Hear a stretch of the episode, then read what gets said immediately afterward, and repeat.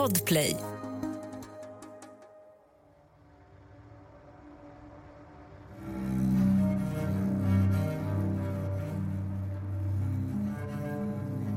Det är nu hösten 2023 och det har gått snart 27 år sedan mordet på Visby hotell inträffade denna ödesdigra decembernatten 1996. Vi har nu granskat fallet sedan mer än ett år tillbaka. Ett fall som i en första anblick kan verka okomplicerat men där det visat sig att det under ytan döljer sig en labyrint av teorier, rykten och villospår. Av allt att döma är polisen inte särskilt mycket närmare gåtans lösning idag än man var när mordet inträffade. Men trots det har man år efter år oförtrutet arbetat vidare med fallet. Om det inte hade funnits någonting att gå vidare på överhuvudtaget whatsoever, då hade det också varit, då hade man ju sagt liksom i mars 97 att det finns ingenting. Det finns inga fler att höra, det finns ingen mer tekniskt, det finns ingenting annat att göra. Och då, då får man ju avsluta med det. För enligt Susanne Wilborg, åklagaren i ärendet, finns det saker som gör att man känner att en lösning ändå är möjlig. För det finns ju saker i ärendet som man ändå tänker att ja, men det här är inte helt kört. Det, är inte, det finns ändå saker som kanske med bättre teknik eller bättre verktyg skulle kunna leda till det. Och att det finns människor att höra hela tiden på något sätt. I de senaste två avsnitten så berättade vi om det nya och lovande huvudspår som Stockholmspolisens Cold Case-grupp arbetade med efter att de tog över utredningen 2016. Ett huvudspår som fokuserade på en viss krets av missbrukare som var aktiva på Gotland under 90-talet. En krets där många ägnade sig åt amfetaminmissbruk och som till stor del försörjde sig genom småstölder. Polisens teori var att det fanns ett samband mellan inbrottet på Visby hotell under mordnatten och det faktum att en stor sändning av amfetamin nått fram till ön just den kvällen. Man vet ju att det var liksom mycket snurr efter knark den där natten. Det fanns ju diverse olika försändelser som dök upp den där natten. så. Och då behöver man pengar. Som vi berättat om tidigare så finns det även en annan detalj som gör utredarna hoppfulla, nämligen en nyupptäckt DNA-profil från brottsplatsen. Men sen har vi ju ett nytt spår som ni vet som vi liksom eh, och det, det har ju kommit på senare år som vi inte hade kunskap om alls tidigare. Profilen kommer från en okänd man och hittades vid en förnyad teknisk undersökning av material från en mycket central del av brottsplatsen. Av allt att döma på mordoffret Kristina Olofssons kläder. En DNA-profil som visserligen inte var helt komplett men som ändå skulle kunna användas för att ringa in en gärningsman. En DNA-profil som dock hittills, trots stora ansträngningar, har förblivit oidentifierad. Ja, vi gjorde sökningar, inte bara familjesökningar, vi gjorde massa sökningar på till och med de som stod utanför hotellet och vaktade. Polismän och alla som, den som tog hand om kroppen och alla.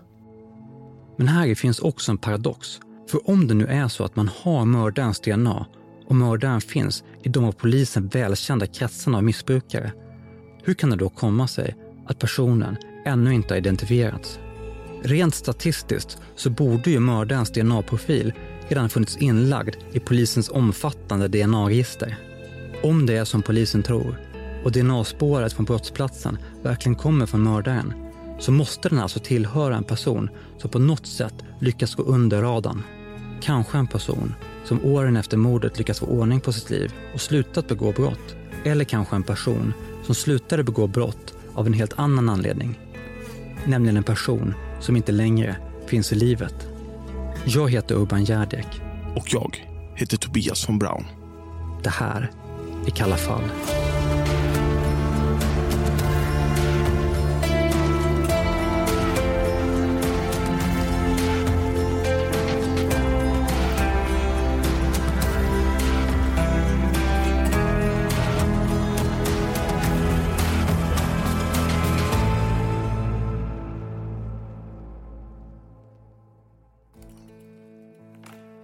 1998, två år efter mordet på Visby hotell, gjordes en lagändring med siktet inställt på att ge polisen nya möjligheter att kunna lösa brott med hjälp av DNA.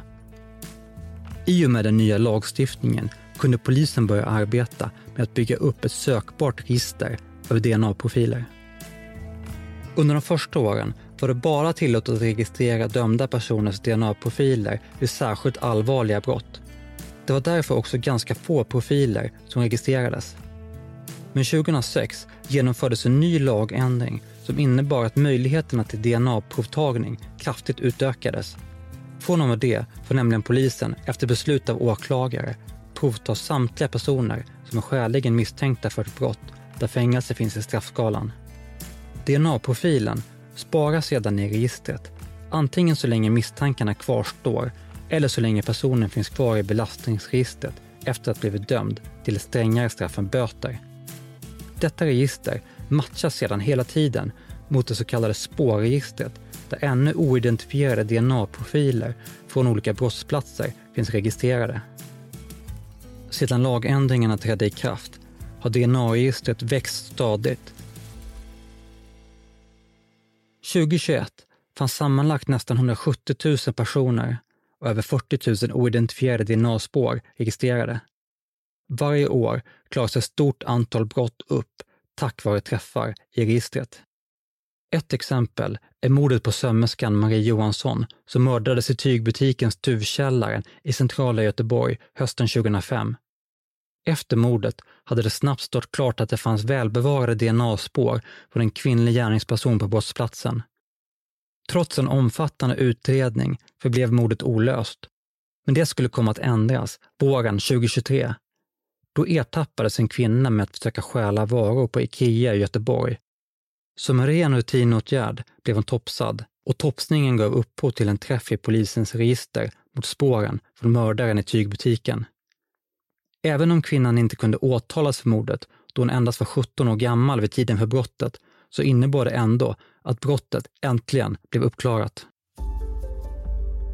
Men när Stockholmspolisens Cold Case-grupp någon gång runt 2017 eller 2018 matade in den nyupptäckta DNA-profilen från brottsplatsen på Visby hotell så hade det alltså inte blivit någon träff.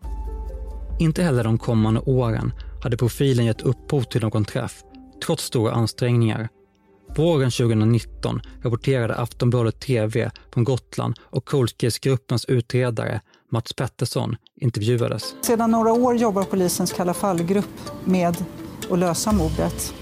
Och så sent som den här veckan har de rest runt här på Gotland och förhört 6-7 personer och också topsat tre personer.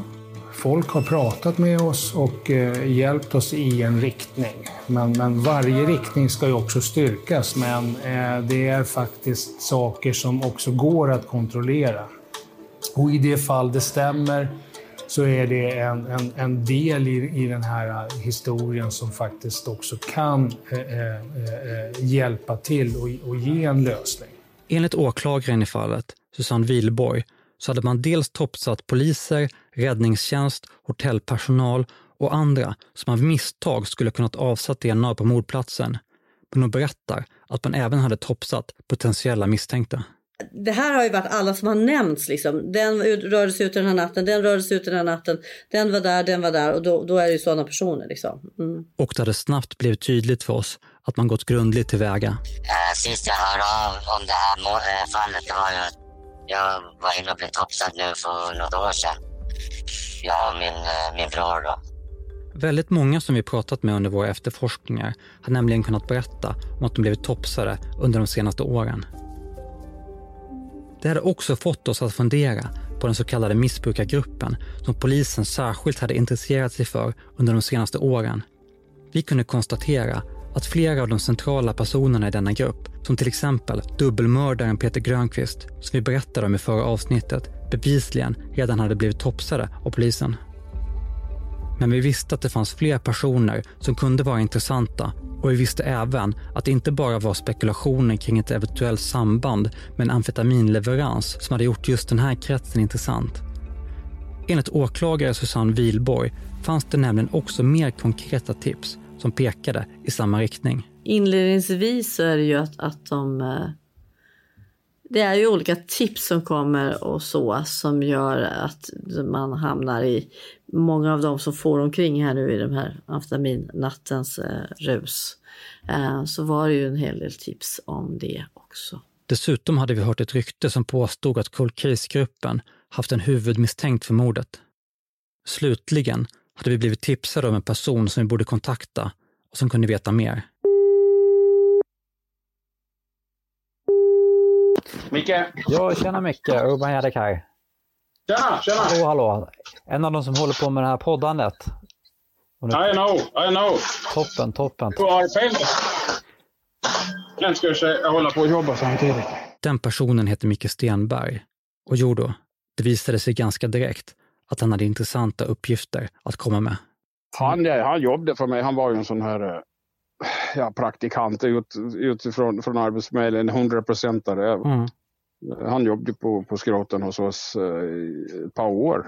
Ja, Och vid ett par tillfällen när det här kom upp, liksom man började snacka om det när man tar en kvarts fika, då man började prata om några sådana gamla grejer och så vidare. Så, Mm. då, sa han ju att han visste att det var 100 procent eh, Per Djuplunda som hade som varit inne och knackat henne. Enligt Micke hade han för många år sedan haft en anställd som vid ett par tillfällen sagt sig känna till mördarens identitet. Och mördaren skulle vara en person som kallades för Perra Djuplunda. Sen, var- sen var det ju, ja du vet man jobbade och var lite stressad och telefonerna ringde. Liksom. Man satt sig inte i någon fördjupning och, och tänkte, ja, varför tror du det? Och har du något, liksom, har du något bevis? Man, alltså som du och jag pratade, det var inte så utan det var, jaha, och, och sen var det bara nästa och sen var det igång och jobba. Men flera gånger, flera gånger berättade han att det var med säkerhet, 100% säkerhet, sa han. Vad som låg till grund för misstankarna visste Micke inte. Men han ville gärna hjälpa oss och vi bestämde att vi skulle träffas och prata vidare. Men alltså någon, någon, någonstans måste finnas en rättvisa. Va? Jo, precis. tyck, tycker man. Så det är jävla häftigt det ni håller på med. Det tycker jag. Liksom bara orken och driv, driv runt det här. Mm, mm. Det är jävla imponerande. Det är respekt. Det var nämligen så att namnet Perra Djuplunda hade gjort oss intresserade. För det var ett namn som vi hade hört förut.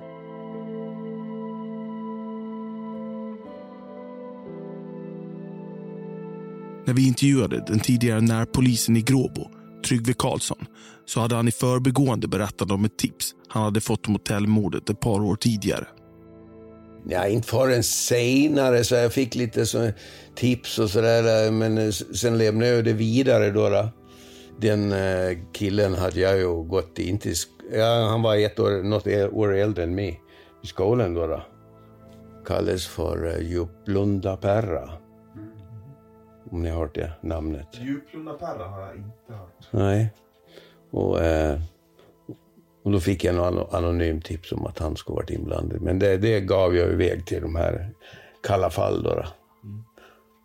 då. Djuplunda heter egentligen någonting helt annat. Smeknamnet antydde att han hade en koppling till det villaområde i Djuplunda i utkanten av Visby. Parajuplunda Djuplunda kändes som ett intressant spår. Vi kunde nämligen snabbt konstatera någonting väldigt spännande. Han var med all sannolikhet en person som polisen inte kunnat DNA-testa. Nej, sen vet jag faktiskt inte vad som hände, för han är ju död nu.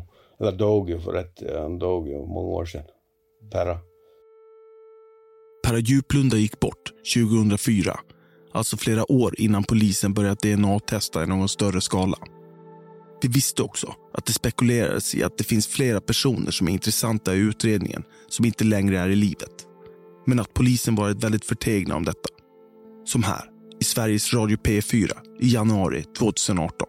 Är personen vid liv som har gjort det här mordet tror du? Ja, alltså problemet är ju alltid när, när det är så gammalt va? att folk, det finns de som kan vara vittnen som eh, är döda och sådär. Men jag vill inte kommentera huruvida någon är vid liv eller om någon är död. Det vill jag inte. Slutligen hade Tryggve också gett oss ett tips på en person som vi borde kontakta. En person med stor insyn i den mer ljusskygga delen av det gotländska samhället. I början var ju Hassela otroligt bra så att säga med Lasse Sigelin i spetsen och de var ju med överallt. Nämligen ledaren för det så kallade Hassela-kollektivet i Klintehamn, ett par mil sydväst om Visby. De byggde upp hela Klinte samhälle ju. De hade ju eh, verksamheter överallt. De hade ver- bilverkstad, de hade vad heter det, bageri och allt möjligt som ungdomarna då placerades ut och fick göra sina jobb och sådär. Och sen, eh, sen var det mycket ma- mat, man skulle laga mat och man eh, hade olika möten och träffar och ja, det var, det var mycket sånt. Han heter Lasse Sigelin och vi ringde upp honom. Formellt var det ett HVB-hem Ja. som finns nu för tiden också. Hassela-kollektivet var ett behandlingskollektiv för ungdomar med narkotikamissbruk eller psykosociala problem. Kollektivet startade 1982 och var inspirerat av det italienska arbetskooperativet San Paciano. Målsättningen var att genom arbete och gemenskap bryta negativa mönster och ge ungdomar förutsättningar att kunna leva ett normalt liv. Ja, du, ungdomar upp till eh, 20 år, tjejer och killar 14 20 år.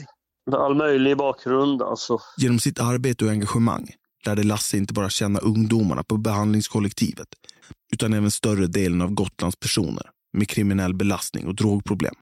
Kunskaper som uppenbarligen även hade intresserat Stockholmspolisens cold case-grupp. Jag blev kallad av de här som jobbade med cold cases, de poliserna. Och då så eh, bad de mig komma in och så gick vi igenom massa bilder på folk och sådär. Om jag kände igen, och jag kände igen allihopa tror jag i stort sett. Ja. Då var det bland annat Eh. eh, Grönqvist och, och det gänget va? Ja. Och, och så hans polare. En person som utredarna uppenbarligen hade varit mycket intresserad av var Perra Djuplunda. Ja, just det. Nej, men Per, Djuplunda-Per. Ja, Djuplunda Perra ja. Ja, Ja, eh, men han är död. just det. Så han var med bland de bilderna i alla fall? Ja, ja. Och som de pratade mycket om. Okej. Om han hade pratat med mig någon gång. Alltså vi träffades, jag var ju med. Han placerades på fastlandet och jag, han bad mig att köra med dit till det behandlingshemmet eftersom vi kände varandra. Och sen så när han kom tillbaka så träffades vi och snackade mycket och fikade på stan och sådär. Mm. Kanske rent av, det kommer jag inte ihåg om jag övervakade någon gång åt honom, men det minns jag inte. När vi under de kommande veckorna satte oss in i Per Djuplundas omfattande brottsregister så blev det mer och mer tydligt varför Cold Case-gruppen hade intresserat sig för honom. Per Djuplunda föddes i Visby i slutet av 50-talet. Smeknamnet kom sig mycket riktigt av att han växte upp i villaområdet Djuplunda strax intill regementet P18 utkanten av Visby. Redan i tidiga tonår hade Per Djuplunda börjat utveckla en missbruksproblematik och under mitten av 70-talet gjorde han sig känd hos polisen för stölder och våldsbrott. Men i början av 80-talet fick hans liv en vändning. Han vistades en längre tid på ett behandlingshem och verkar därefter varit på väg att ordna upp sitt liv. Han träffade en kvinna, de blev sambo och med henne startade han en städfirma. Men i början av 90-talet så började det åter gå utför. Samboförhållandet tog slut. Städfirman gick i konkurs och han återföll i missbruk av både amfetamin och heroin. För att finansiera missbruket återupptog han sin kriminella livsstil och började begå olika former av stölder och inbrott. Dessa begicks ofta under inflytande av alkohol och droger och utan någon större planering. Vid ett sådant tillfälle, sommaren 1992, är Per Djuplunda på väg hem från en fest. När han passerar ett daghem framför sig att bryta sig in. Där inne rotar han runt i samtliga skåp och lådor i jakt på saker att stjäla. En granne vaknar till av oväsendet och polis tillkallas. När de kommer fram upptäcker de Perra som är på väg att fly från platsen genom ett fönster. Han låtsas att han har en pistol på sig och gör våldsamma utfall mot polisen som med mycket möda lyckas brotta ner honom. Dagen efter säger sig Perra väldigt suddiga minnesbilder av händelsen. Hans egen förklaring på händelsen är att det var en fyllegrej. Under hela 90-talet fortsätter hans missbruk och kriminalitet att accelerera. Bara någon vecka innan hotellmordet sker döms han till skyddstillsyn för häleri efter att tillsammans med några kamrater stulit och sålt inredningen i en lägenhet som en av Paras vänner hyrt i andra hand. Även de kommande åren döms han vid flera tillfällen. Bland annat 2003 då han misshandlar en tidigare sambo under ett bråk om narkotika. Men året efter, 2004, avlider han i sviten av en obotlig sjukdom. Troligen handlade om HIV. Per Djuplunda kändes onekligen som en lovande kandidat. Men vi behövde få tag på den person som hade pekat ut honom som gärningsmannen. Det hade blivit dags att träffa Micke Stenberg, han som hade tipsat oss i början av avsnittet.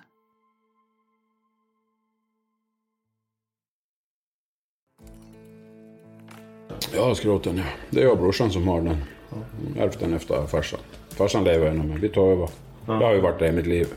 Micke Stenberg driver till vardags Gotlands största och äldsta bilskrot, Skroten i Bro. Men bland många gotlänningar är han mer känd som Bro-Elvis eller Big Mike. Han är nämligen en av världens främsta Elvis-imitatörer. Den första europé som valts in i den prestigefyllda amerikanska föreningen Elvis Entertainers Network. Sedan ett par år uppträder han regelbundet runt om i Sverige tillsammans med Doggy Doggelito, tidigare frontfigur i hiphopgruppen Latin Kings. Men i Mickes ungdom såg det annorlunda ut. Han var då centralgestalt i det så kallade Steinberg-gänget, uppkallat efter honom själv. Det var väl jag som Borge. Jag är gudfadern till det. Uppmärksamma lyssnare kommer kanske ihåg Steinberg-gänget från avsnitt 4 då det nämndes i förbifarten av tidigare riksdagsmannen och välfärdsentreprenören Jan Emanuel Johansson i hans intervju med podden Den som skrattar förlorar. Och de enda då som, som fanns, det var just Gråbo Sidekickers. Och de blev ju, det blev, blev ju våra vänner jättesnabbt. Ja. För det fanns några så här lite bondegäng också. Steinberggäng, ja det var några stycken. Så, här, som, så det var ju som en fantastiskt ställe att, att bete sig illa på. Ja. Men enligt Micke själv är ryktena om gänget betydligt överdrivna. Bus, bråk var det ju. Vad för typ av bus var det? Ja, det var så här gäng... Jag vet inte, det är löjligt egentligen. Det är bara löjligt. Fan, tio, sex, sju långhåriga karatesparkare ut på stan vet du, så söka bråk. Jag vet, nej. Det är bara fylla och slagsmål och det är liksom inget gäng. Men vissa grupper håller ihop liksom så här. Även om Micke har lämnat den delen av livet bakom sig så har han genom sitt arbete på skroten och inom musiken ett mycket brett kontaktnät. Bland dessa finns flera personer som ingått i den så kallade missbrukarkretsen som cold case-utredarna de senaste åren intresserat sig för. En krets som Mickes tidigare anställde, han som var säker på att Perra Djuplunda var mördaren, också hade ingått i. Tyvärr hade Micke inte kvar några aktuella kontaktuppgifter till honom.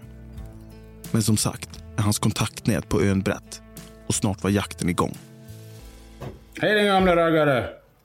Tjena, tjena! Är det bra med er? Bra. Du, har du, har du telefonnummer? Nej, nej. Det, det här, jag sitter, vi håller på med, med Kalla fall här. Det är två eh, poddkungar som håller på. Va? Vi, prat, vi pratar just om, om det här eh, hotellmordet. Och eh, vad fan... Eh, han sa att eh, Perra Djuplunda var, var, var, att det var han som var inne och knäppte eh, den tjejen. Kan det stämma? Har du hört någonting? Åh fy fan. Jag, jag, jag, jag, jag skickar över mitt telefonnummer. Så får ni ha det bra. Tjena. Hej. Nu kommer han att ringa till mig här i eftermiddag och så får jag telefonnumret till Den bor tydligen grannar. Under tiden vi väntade på att få numret till Mickes för detta anställda så tog vi kontakt med tidigare närpolisen, Tryggve Karlsson igen. Vi ville nämligen veta mer om det tips som han hade fått om Perra Djuplunda för många år sedan. Tjenare Tryggve, det var eh, Tobias von Braun här. Tjena, tjena! Tjena, tjena. Du... Eh, Du hade någon fundering? jo, precis. Vi, vi eh, efter vi gjorde din eh, intervjun med dig där så började vi jobba med eh, Kalla fall-gruppen och, vad de hade för spår. Ja, okej. Och eh, den som de har tittat mest på det är eh, Djuplunda Perra. Ja, okej. Gick han i din klass eller vad var det? Ja, han, han var något år äldre. Han gick, i, han gick eh, på Södra Värn. Han gick väl i eh, någon klass över mig. Så han var, jag tror han var ett eller två år äldre än mig. Ja, det var en liten, eh, ja, bråkstake. Och sen, du hade fått något tips om, om Djuplunda Perra. Eh, ja, det var ju en, en annan missbrukare som jag inte kommer ihåg namnet på nu, ja, som, som, som var på bänk, som, som tog kontakt med mig genom Facebook många herrans år sedan. Som, som, eh, som umgicks med Ann Perra. Och det, och det var då hon hade, det var en tjej då, som hade berättat. då. alla han hade berättat för henne vad han, hur han Det var där tipset kom in. Men det lämnade jag vidare sen till, eh, till eh, Roger Björkander, kommer jag ihåg. Ja, just det. Kommer du ihåg vad i tipset bestod i? Ja, det var att, att han hade, han, hade- de var hemskt, eh, de var ihop ett par eller något, det kommer jag inte ihåg. Det var något så att han hade berättat för henne då hur han har gjort och sådär. Eh, och, och hon har ju haft och inte velat berätta det för många herrans och sen dog ju Juplunda Per. Det var strax efter han var bortgången som, som hon lämnade eller sa det där tipset till mig. Okej. Okay. Hon hade vågat berätta om det förut. Varför tror du att hon berättade då? då? Ja, det kan man ju undra. Riktigt, det var ju precis efter han hade dött då. då. då att, eh, men sen vet ju, sen lämnade jag det vidare. Sen skulle, vet jag inte om de skulle forska i det mer där på den här tunga gruppen, eller den här gruppen där. Men de verkar ju vara hemskt intresserade då när jag lämnade tipset i alla fall. För de ringde upp mig flera gånger där och här, om det här tipset. Då, då. Men hon var ju hemskt fåordig och ville inte alls att jag skulle blanda in henne och det ena och andra. Men jag gav hennes, jag, hon, gav, jag gav hennes namn i alla fall. Sen vet jag inte om de har pratat med henne. Det kan jag inte svara på. Den person som hade tipsat Tryggve om Perra Djuplunda var alltså en kvinna som hade varit bekant med Perra och som även hon hade missbruksproblem. Det var som minst två personer i Perra Djuplundas närmaste umgängeskrets som hade pekat ut honom som mördaren. Vad de baserade detta på visste vi inte, men vi var otroligt spända på att ta reda på det. Och till slut så levererade Micke Stenberg de efterlängtade kontaktuppgifterna till hans före detta anställde. Tjena! Igår då fick jag tag i telefonnumret till... Uh, vill du så kan du ringa det. Jag ringde omedelbart upp den tidigare anställde. Hejsan, hejsan. Urban Gärdik eh, heter jag. Eh, jag fick ditt nummer eh, av Micke Stenberg. Ja, ja. Ja, och det är vi som håller på och, och forskar i det här gamla Visby hotell-mordet. Jaha. Och Micke sa att du hade, att du hade liksom intressanta uppgifter om det som du hade berättat om någon gång för många år sedan och sådär. Ja, det sa jag då. Mm. Jag tror det var han Per... Ja, per, Perra Djuplunda va? Han är död nu tror jag. Va, va, vad var det som gjorde att du trodde att det kunde vara han då? Jo, han letade efter skolan och, och var, han var i vårt vid. Den tidigare anställde berättade att han samma kväll som mordet skedde hade varit på en fest nere vid Kruttornet i Visby innerstad. Fest, fest. Vi rökte paj och drack öl. Var det den natten så att säga som det hände då? Ja, ja, ja. ja. ja. Perra Djuplunda hade varit med på samma fest. Men han hade lämnat festen under kvällen. Kunde det vara så han tagit vägen förbi Visby hotell? För det var nämligen en annan omständighet som hade gjort den tidigare anställde misstänksam mot Perra Djuplunda. Nämligen att han hade en koppling till hotellet. Var det något annat som gjorde att du tänkte att han kunde vara, vara inblandad? Sådär? De hade städningen på Visby hotell. Alltså de hade städningen på Visby hotell? Ja, han och hans tjej. Perra Djuplunda skulle alltså tidvis ha skött städningen på hotellet under början av 90-talet när han fortfarande drev en städfirma tillsammans med sin dåvarande sambo. Ja, inte bara där han fick sin plan. Precis. Inte slå ihjäl, men eh, ja, hon kommer iväg. Slutligen var det ytterligare en sak som den tidigare anställda hade reagerat på, nämligen Perra Djuplundas skor. Han letade efter en skor. En skor. En tid efter mordet hade Perra plötsligt blivit mycket angelägen om att få tag på ett par skor som han tidigare hade haft.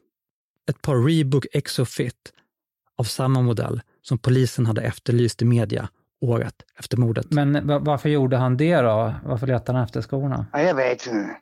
Nej. Antagligen för det var hans. Ja, han, han trodde att det var hans? Ja, det var väl det. Det var det? Ja. Jag tror det. Vi började nu bli allt mer övertygade om att Perra Djuplunda verkligen kunde vara mördaren. Det var allt för många saker som stämde. Missbruket, skorna, hans historia i våld och inbrott, kopplingen till hotellet. Det fanns till och med ett element av social fallhöjd. Bara någon vecka innan mordet hade han ju dömts för skyddstillsyn för häleri. Ett straff som säkerligen hade omvandlats till fängelse om han hade blivit påkommen med ett inbrott så kort efter domen. Vi hade gärna velat få tag i den kvinna som hade tipsat polisen, Tryggve Karlsson, om Perra Djuplunda. Vi hade kunnat konstatera att hon och Perra hade varit bekanta vid tiden för mordet. Även hon hade då ett aktivt amfetaminmissbruk och de hade begått brott tillsammans. Vi lyckades leta fram hennes kontaktuppgifter.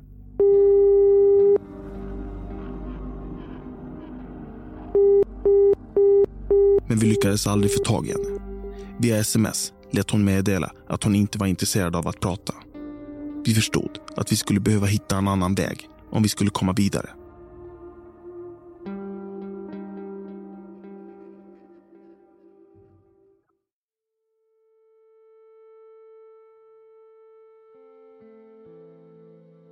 Det vi kom fram till var att istället försöka få tag på någon av Per Djuplundas släktingar.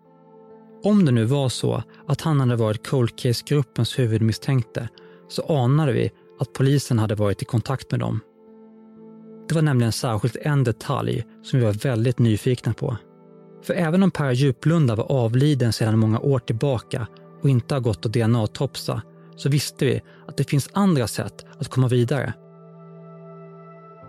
Ett sådant sätt diskuterade jag med genetikern Martina Nilsson som ni hörde i avsnitt 6. Det finns liksom olika typer av DNA-analyser som kan användas beroende på förutsättningar i det enskilda ärendet. Det finns något som heter mitokondrie-DNA eh, som man gör i vissa ärenden. Och den använder man främst för att utesluta, eh, men det är, kan också leda, vad ska jag säga, ett inkonklusivt resultat, eller det kan användas som indicier ska jag säga, tillsammans med annan information. Att, att jag har ett lägre bevisvärde, men det kan ändå vara värdefullt. Mitokondrie-DNA är en speciell typ av DNA som skiljer sig på många sätt från cellens vanliga DNA. Dels är mitokondrie-DNA betydligt enklare att analysera, även vid små mängder DNA. Dels så ärvs det bara på mödernet och alltså inte unikt för varje individ. Bevisvärdet är därför svagare, men det betyder också att två personer som på mödernet delar en kvinnlig släkting också har ett identiskt mitokondrie-DNA. På så sätt kan användas för att med stor säkerhet utesluta att en viss person har lämnat ett DNA-spår om det visar sig att mitokondrie-DNA inte matchar denna persons släktingar. Vi visste inte om polisen verkligen hade säkrat något mitokondrie-DNA från brottsplatsen, men något som åklagare Susanne Wilborg hade sagt gjorde att vi starkt misstänkte att så var fallet. Alltså, det pratar hon ju också om. Eh, så. Eh, så det finns det någonting också. Men så det där, jag pratar med Martina. Okay. Pratar med Martina. Mm. Om det nu var så att man hade mitokondrie-DNA, hade man då jämfört detta med Per Djuplundas släktingar? Och vad hade i så fall resultatet blivit? Vi fick tag på ett nummer till en av släktingarna, så vi ringde upp. Jag vet inte hur pass väl du känner till hotellmordet sådär? Eh, nej, jag har hört talas om det. Har jag. Ja, ja, absolut. Ja, ja. ja absolut. För de, de hade ju en del, ja, de, de jobbade ju vidare med, med det här eh, mordet då och eh, bland annat så var de intresserade av Ja, just det. Eller precis, det var det. Just det, just det. Ja. Eh, kände du till det, att, att de hade något intresse för, för hans för Ja, ja, det gör jag. Det, de, de löste väl rätt brett som sagt. Jag vet att han figurerade något i det där i alla fall, det vet jag. Vet du om de, eh, om de toppste eh, om de toppste anhörig och så till, till han eller? Ja, ja, ja det gör de. Det gör de. Okej. Okay. Ja, jag vet så att ja, de, var, de var hos mig och gjorde det. Eller de frågade om jag bara kunde ställa upp och göra det så att säga. Okej. Okay. Det gjorde de. Så du blev topsad? Men det gav, men det gav väl lite. Ja, precis. Så det gav väl inget då. Polisen hade alltså av allt att döma redan gått till botten med spåret Perra Djuplunda. Ja, nej, de gav nog upp det. Jag vet inte. Det, det ledde nog ingen vart vad jag vet. Så där i alla fall. Det var nog inget ett spår som de körde. Nej, de kom nog inget vidare så. Det var, det var nog stopp där tror jag. Vi i alla fall att de, det, det, det följdes upp till så långt det gick i alla fall. Ännu en gång kunde vi konstatera att vi hade nått fram till ännu en av labyrintens alla återvändsgränder. Under sommaren 2023 så nåddes vi också av en mycket sorglig nyhet. Om det är någon person som har kommit att personifiera utredningen av mordet på Visby hotell så är det tidigare kriminalinspektör Roger Björkander. Till en början så hade han varit skeptisk till att ens medverka i podden. Jag är så långt ifrån det där nu, så jag vet faktiskt inte. Jag måste ju läsa på och sådär också. Va? Och jag, jag, har lite problem med blodtrycket och sådär. Så att jag, eh, jag är pensionär nu egentligen, va? men jag jobbar ju en del också. Så att att få, få balans på det där. Men till slut så har den ändå gått med på att ställa upp. Och mot slutet av vår över fyra timmar långa intervju så var han riktigt positiv. Vi brukar eh, avsluta med, finns det någon fråga som du eh, tycker att vi borde ha ställt som vi inte har, som kan vara... Nej, jag tycker att ni var väldigt, väldigt grundliga i bakgrundsresearchen. här. Ja, det får jag säga att jag är djupt imponerad.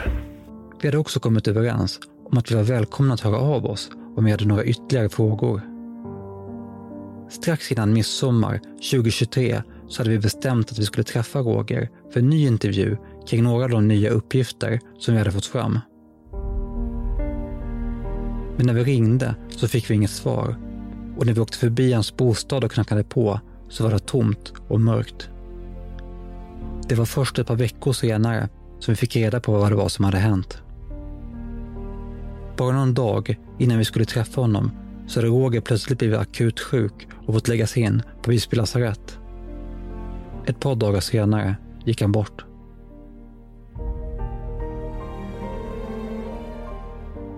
Under vårt arbete med den här säsongen har Roger Björkander varit en ovärderlig hjälp. Det hade också blivit tydligt för oss att han var en polis som brydde sig. En polis som inte kunde släppa ett sånt här fall i första taget. Är du nyfiken då? Ja, det är klart jag är nyfiken. Eh, Det är klart det finns ju teorier och det är klart man, man, man går ju och funderar lite emellanåt. Det är inte så att jag går och funderar på det här varje vecka, men emellanåt så, så, så funderar man liksom hur gick det här?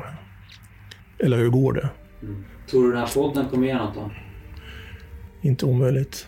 Ja, annars så skulle inte vi eh, eh, prata om det heller, så att säga. Utan, eh, kan det tillföra utredningen någonting så visst, absolut. Klart att ställa upp. Eh, sen kan jag inte berätta allt naturligtvis. Under slutet av sommaren 2023 var det även en annan sak som grämde oss. Nämligen bilden av mordoffret Kristina Olofsson, både bokstavligen och bildligen. Ända sedan mordet skedde hade det nämligen bara funnits en enda bild på Kristina Olofsson tillgänglig för allmänheten. Det var bilden från hennes nytagna passfoto som hade publicerats i kvällstidningarna dagen efter mordet. Men det hade även varit svårt att skapa sig en bild av hur hon egentligen var som person. Den bild som hittills framträtt kändes endimensionell. Många av de arbetskamrater på Visby hotell som vi pratat med beskriver henne med ord som professionell, noggrann, principfast och det finns också de som inte skräder orden utan använder uttryck som pedant, oflexibel eller rent ut sagt otrevlig. Men ingen av de som arbetade på hotellet säger sig ha känt henne, inte på riktigt. Ingen visste särskilt mycket om vad hon gjorde på sin fritid eller hur hon var privat. Hon var en person som var svår att komma in på livet. Vi har varit i kontakt med hennes syskon, men ingen av dem vill uttala sig i podden, vilket självklart är något vi respekterar. Vi hade nästan gett upp hoppet om att hitta någon som kunde berätta mer om Kristina när vi till slut fick ett avgörande tips om en person som vi borde prata med. Ja, så hon var ju mycket här ute också. Här ute? Ja. Okej. Hon sov över och så när det var sommar. Ja. Vi sitter i trädgården hos Yvonne, en av ytterst få personer som kan säga sig verkligen ha känt Kristina Olofsson på riktigt. Ja, jag har varit vid polisen. Många gånger? eller Ja, gång? två gånger har jag nog varit det. Då när det var allting då. det. Ja, det har jag. Ja, nej, jo. Vad ställde de för frågor och sådär? När de, när de... Kände du hur mycket vi umgicks och, eller så, ja, vem hon umgicks med och så. Ja. De vill liksom få en bild av Ja, precis. Ja. På bordet framför oss står flera stora kartonger med semesterbilder och fotografier. Eh, Där har vi en. Ja. eh, just det står väl på kartan där var vilket år det var. Ja, Nej. in, innan det hände där, tänker jag. Var det precis innan det hände? Eller? Nej. Ja, eh, det här är julresa till Amerika 89. Ja, just det. Där fanns bilder från flera av de resor som Yvonne och Kristina hade gjort tillsammans. Men det är Men klart. här har vi en. Ha? En hel bild till och med. Åh, oh, bara hon. Kolla där. Ja, ja där är hon. Ja. Ja. den är ju bra. Ja. Ja, du ser vad vi festar. Är det okej om vi fotar av bilden? Ja, ja, ja. På bilderna framträdde en helt annan person än den bild vi vanligtvis fått av Kristina Olofsson. Hon ser glad ut, nästan sprallig. Hon ser ut att ha roligt och njuta av livet. Och här leker hon ju med barnen och Här får man en liten annan bild av henne. Verkligen. Eh, Ja. För hon, i det här sammanhanget verkar hon vara väldigt glad och... Ja, ja, ja. Och så. Vill ni se några av Yvonnes bilder på Kristina så kommer vi lägga upp dem på vår Instagram-sida kalla understreck fall. Men även om Kristina visar upp en annan sida för Yvonne så kan även hon berätta att Kristina var en kvinna med sina egna idéer som gick sina egna vägar. Nej, men det ser ni ju här att hon kan vara glad. Ja, ja, ja, men- ja, men det var hon när, vi, när det var fest och så. Men sen hade hon sin rutin. Vet du. Det skulle inte... Nu ska jag så middag klockan ett. När det är lördag eller söndag. Eller. Ja. hon var ju manhaftig kan man säga. Eller lite... Ja, hon hade sin rutin om jag säger så. Ja, hon, var, hon är speciell alltså. Det var hon. hon var, nej, hon var egentligen hemskt ensam. Men med vän- väninna, ja, det var Inger och jag då.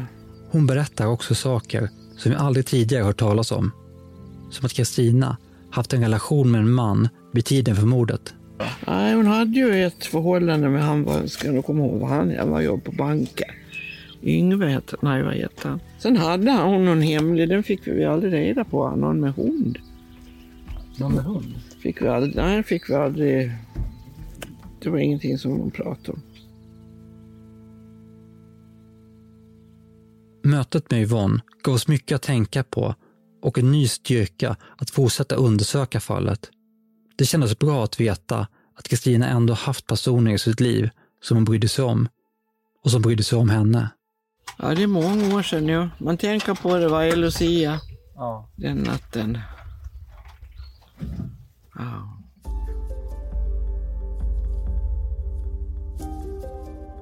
Efter att vi hade slagit fast att Cold Case-gruppens huvudmisstänkte av allt att döma blivit avförd från utredningen så började vi fundera över vad vi egentligen kommit fram till under den här säsongen. En sak som hade blivit uppenbar var hur omfattande utredningen egentligen varit. Under alla spår vi följt så märkte vi snabbt att polisen hela tiden legat steget före och vi förstod att det måste finnas ett stort antal spår som vi inte ens känner till. Men i ljuset av det blir det egentligen bara ännu märkligare att man ännu inte lyckats få en matchning på DNA-profilen från mordplatsen. Det skulle kunna betyda att DNA-profilen bara är ett villospår. Att spåret inte kommer från mördaren utan från någon person som inte har med brottet att göra utan hamnat där av en slump. Men åklagaren Susanne Wihlborg har hela tiden varit väldigt tydlig med att man utgår ifrån att DNA-profilen verkligen har med brottet att göra. Vet och vet, men det skulle, vi, skulle jag säga att vi är tämligen säkra på. Som vi ser det återstår det bara en annan möjlighet. Den som ligger bakom mordet måste vara en person som på något sätt lyckats gå under radarn under alla dessa år. För det var en annan sak som Susanne Wihlborg sagt och som vi reagerade på. Något som hon länge hade funderat på. Det har jag ju alltid undrat över. Varför, varför pratar ingen om det? Alltså normalt sett när det händer något allvarligt våldsbrott så är det ju alltid människor som inte kan hålla tyst. Som har liksom lite känningar. Så är de inne på något förhör med polisen så måste de säga något under bordet för att bli lite intressanta eller för att liksom så. Eh, Men det har ju varit ett väldigt, väldigt tyst om det här. Det är ju ingen som pratar om det. Väldigt många, vad man reagerar för, vilket ni måste ha reagerat för också när ni, när ni pratar med människor. Väldigt många vet vad de gjorde den här kvällen 96 i december. Men det är inget tisseltassel om det. Det har aldrig varit något tisseltassel om det här. Och det är konstigt. Kunde det vara så att mördaren är en person som kanske var ostraffad när mordet inträffade och som sedan dess hållit en mycket låg profil? Det verkade som att Susanne Wihlborg även gått i liknande tankar. Fast det finns ju ett gäng unga män som för den tiden for omkring och sen så helt plötsligt bara gick de in i någon sorts eh, komaläge och inte gjorde så mycket mer i sitt liv. Ja. Är det en sån person? Eller fanns det andra skäl till att de har gått in i något komaläge? Men att leta efter en sån person är som att leta efter en nål i en höstack. Vi kände att vi, i likhet med mördaren på Visby hotell, var på väg att gå vilse inuti labyrinten. Vad vi då inte anade var att just precis en sån person snart skulle dyka upp på vår radar.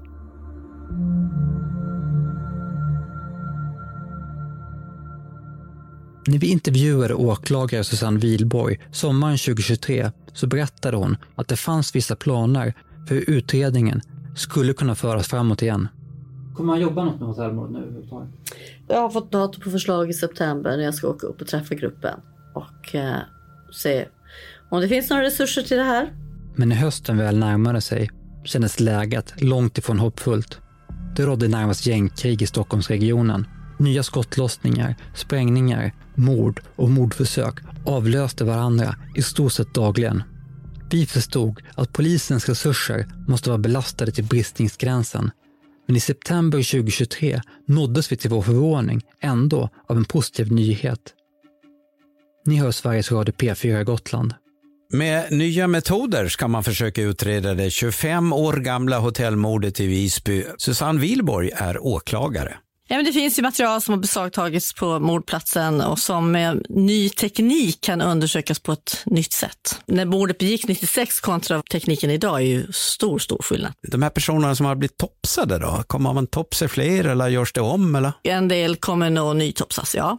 Kommer ni klara upp mordet på nattportiären Kristina Olofsson på Visby hotell som mördades 1996? Eh, Det är ju min förhoppning, men för varje år så är det klart att det är svårt. Men min förhoppning är att vi ska kunna klara upp det.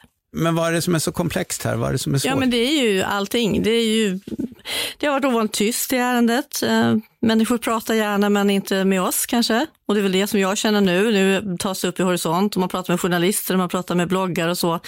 Men det är ju inte bloggar och journalister som kommer väcka åtal i det här. Så att eh, det är ju gärna att de pratar med oss, polis och åklagare istället. Vad var anledningen till att man trots den rådande situationen valde att återuppta utredningen? I media började det snabbt spekuleras i om anledningen kunde vara att nya uppgifter framkommit tack vare podden. För även om Susanne Wilborg i inslaget kallar oss för bloggare så hade hon rätt i en sak, nämligen att vi under säsongens gång har fått ta emot tips från ett stort antal lyssnare. I många fall har det rört sig om händelser och personer som redan var kända av polisen, men där fanns också tips från personer som aldrig hade varit i kontakt med polisen om sina uppgifter. Av dessa tips var det särskilt ett som stack ut. Ett tips som vi fick kort efter att media rapporterade att fallet skulle återupptas. Jag ringde därför Susanne för att höra mer om hur planerna för utredningen nu såg ut och berätta om tipset. Nej, men det är därför jag har varit lite så här, ifrågasatt. Vi har ju inte återupptagit och det tyckte jag att jag var väldigt klar med. Det visade sig snabbt att hon inte var helt nöjd med hur rapporteringen i tidningar och radio hade sett ut. Två olika journalister oberoende av varandra som har ringt med och, och förklarat att det är ni som har satt fart på den här utredningen igen. Eh, Ja, och det ja. bara känner jag så här, nej, ha, det var ju inte riktigt eh, det som var sanningen, anser jag. Enligt Susanne Wilborg så handlar det inte i första hand om att några nya uppgifter kommit fram, utan om att det fortfarande finns saker kvar att jobba med. Tillsammans med polisen Marianne Annell, som nu är den huvudansvariga utredaren i fallet, så hade de tittat på vad som finns kvar att jobba med och vilka nya tekniska möjligheter som finns tillgängliga. Tekniken utvecklas och, och liksom så. Man kan göra helt andra saker idag än vad man har kunnat göra förut och sådär. Så egentligen kan man säga att det är mer tekniska saker som har gjort att man så att säga, känner att man kan jobba vidare med det här, inte specifika tips eller sådana saker. Ja, men det är andra aktiviteter också. Men jag har nog på slut för ett eh, ärende som hon ska puffa. Eh, och så såklart att både det som de säger men också sånt som, som olika har sagt till mig, bland annat ni och, och andra, så finns det ju också nya infallsvinklar. Jag har ju fått ifrån andra personer också som eh, kanske ni har pratat med som sen vänder sig till mig till exempel och säger någonting. Förutom medierapporteringen så är det även en annan sak som åklagare Susanne Wilborg inte är helt nöjd med, nämligen att många personer uppenbarligen drar sig från att prata med polisen.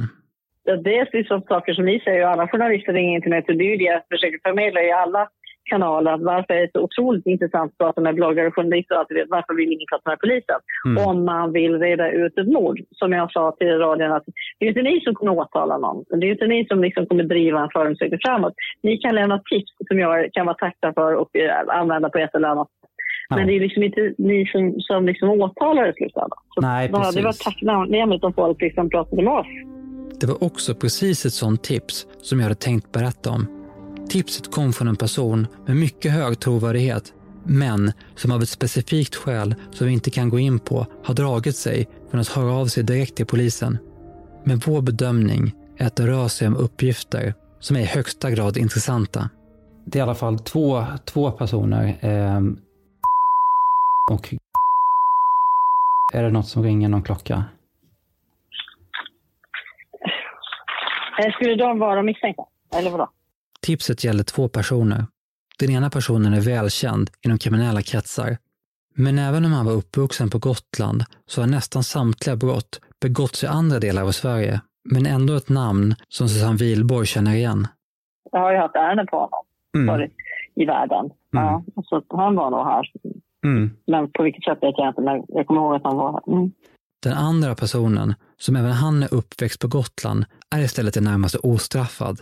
Och det är ett namn som Susanne Wilborg inte känner igen. Det är bara de som hamnar som akter på våra bord som vi ju... Annars vet vi såklart ingenting om dem. Vår uppgiftslämnare har kunnat styrka att båda dessa personer befann sig på ön vid tiden för mordet. Det har också visat sig att det finns en stark koppling mellan de två personerna. Slutligen finns det även en konkret omständighet som är möjlig att kontrollera och som pekar på att personerna har en koppling till mordet på Visby hotell. En omständighet som i så fall också tyder på att det är den tidigare ostraffade av de två som är den troliga gärningsmannen. Alltså en person som av allt att döma fram tills nu helt har lyckats gå under radarn. Jag skriver lite här på mitt papper. Ja. Men huruvida det har varit ute tidigare, det kan jag inte, det kan jag inte svara på. Men det är ingenting som jag minns i alla fall, eller har hört. Nej. Kan nej, känna igen. Nej, nej. Eh, och det kan ju Och vara allt så att sånt är det, ju såklart intressant. Som sagt så finns det mycket specifika omständigheter som talar för att personerna har någonting med mordet att göra. Men exakt vad dessa omständigheter rör sig om kommer vi överens om att vi i nuläget inte ska gå ut med. Om det är någonting som är väldigt viktigt och ni tror att det är väldigt viktigt och ni tänker att ja, men det här kan vara faktiskt någonting som kan vara på spåret av någonting. Mm. Eh, om ni pratar om det i ett podd på ett sånt sätt så man förstår vem eller vad eller så. Så såklart kan det påverka folk att eh, minnas fel eller påverka någon. Eller, så är det ju liksom naturligtvis så. För det är ju alltid så att man påverkas ju av saker man hör och läser och, och så.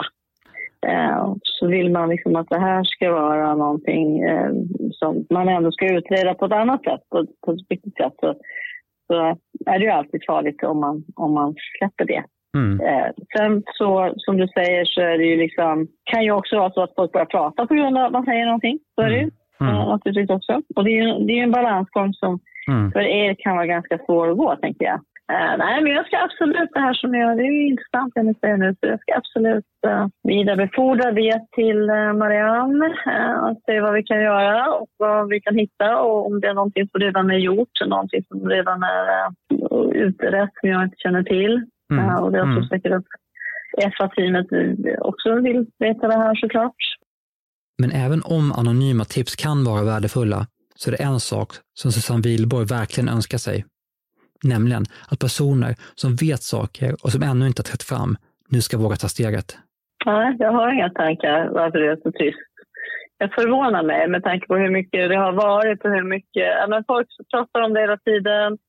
Eh, gotländsk, sår i den gotländska själen. Det här måste vi lösa hit och dit. Och så, så har det ju varit mycket program. Och sen så ni då poddare och andra som tar upp det med jämna mellanrum. Och så kan jag då förundras över att det är så få egentligen som... Eh, någon här ute vet ju såklart vem det är. Mm.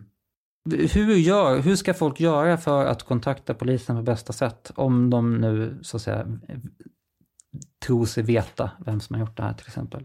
Eh, ja, alltså antingen kan man ju kontakta mig såklart. Eh, det går ju också att ringa Åklagarmyndigheten och söka Susanne Wihlborg så kan man prata med mig så vidarebefordrar jag det man vill ha sagt till polisen. Eller så är det ju Marianne Anell på, på Cold Case-gruppen i Stockholm. Vi har nu nått fram till slutet av vår säsong om mordet på Visby hotell. Det har varit en resa där vi har kastats mellan hopp och förtvivlan och hopp igen. En dag kommer vi kanske få anledning att återkomma till Visby hotell. För vem vet, plötsligt sker kanske det där efterlängtade genombrottet som alla väntat på. Till den dagen kommer vi att fortsätta arbeta vidare med Kalla fall. Och vi hoppas att det inte ska dröja allt för länge innan vi är tillbaka med en ny säsong. Men det ekonomiska läget är osäkert och för att vi ska kunna lägga ner den tid som krävs så skulle vi behöva nå ut till betydligt fler. Vi vet att det finns mängder av poddlyssnare där ute som ännu inte hört talas om Kalla fall. Vi är därför tacksamma för all den hjälp vi kan få med att nå ut med podden. Exempelvis genom att rekommendera oss till vänner och bekanta eller genom att skriva en recension i din poddapp. Allt sånt är verkligen till stor hjälp. Du kan också stötta vårt arbete genom att bli medlem på vår Patreon-sida. Nu när den här säsongen är slut så kommer vi att publicera ett antal bonusavsnitt där vi berättar om flera av de spår och sidospår som vi inte haft utrymme att avhandla i podden. Du hittar oss på Patreon genom att söka på Kalla fall. Följ oss gärna även på Instagram. Där heter vi kalla understreck fall. Där kommer vi att hålla er uppdaterade om utvecklingen i de fall vi granskar och arbetet med den nya säsongen. Kalla fall, en podd av och med Urban Järdek och Tobias von Braun. Producent och ljudtekniker är Mats Liljenberg. Research av Urban Järdek och Tobias von Braun. Manus av Urban Järdek. Exekutiv producent för Podplay har varit Victoria Rinkos. I avsnittet hörde du klipp från podden Den som skrattar förlorar, Sveriges Radio P4 Gotland och Aftonbladet TV. Har du kunskaper som polisen skulle behöva veta för att kunna lösa mordet på Visby hotell? Ring i så fall till Åklagarmyndigheten på 010 562 5538, alltså 010 562 5538 och be att bli kopplad till åklagare Susanne Wilborg. Eller ring till polisen på 114 14 och be att bli kopplad till Marianne Anell på Cold Case-gruppen i Stockholm. Har du uppgifter som du vill förmedla till oss på podden om något av de fall som vi hittills tagit upp eller tips på fall som vi borde kolla närmare på? Hör i så fall gärna av dig till oss på sociala medier, Instagram, Facebook eller mejla oss på tipsatkallafall.se. Alltså tipsatkallafall.se. Tack för att du har lyssnat på Kalla fall.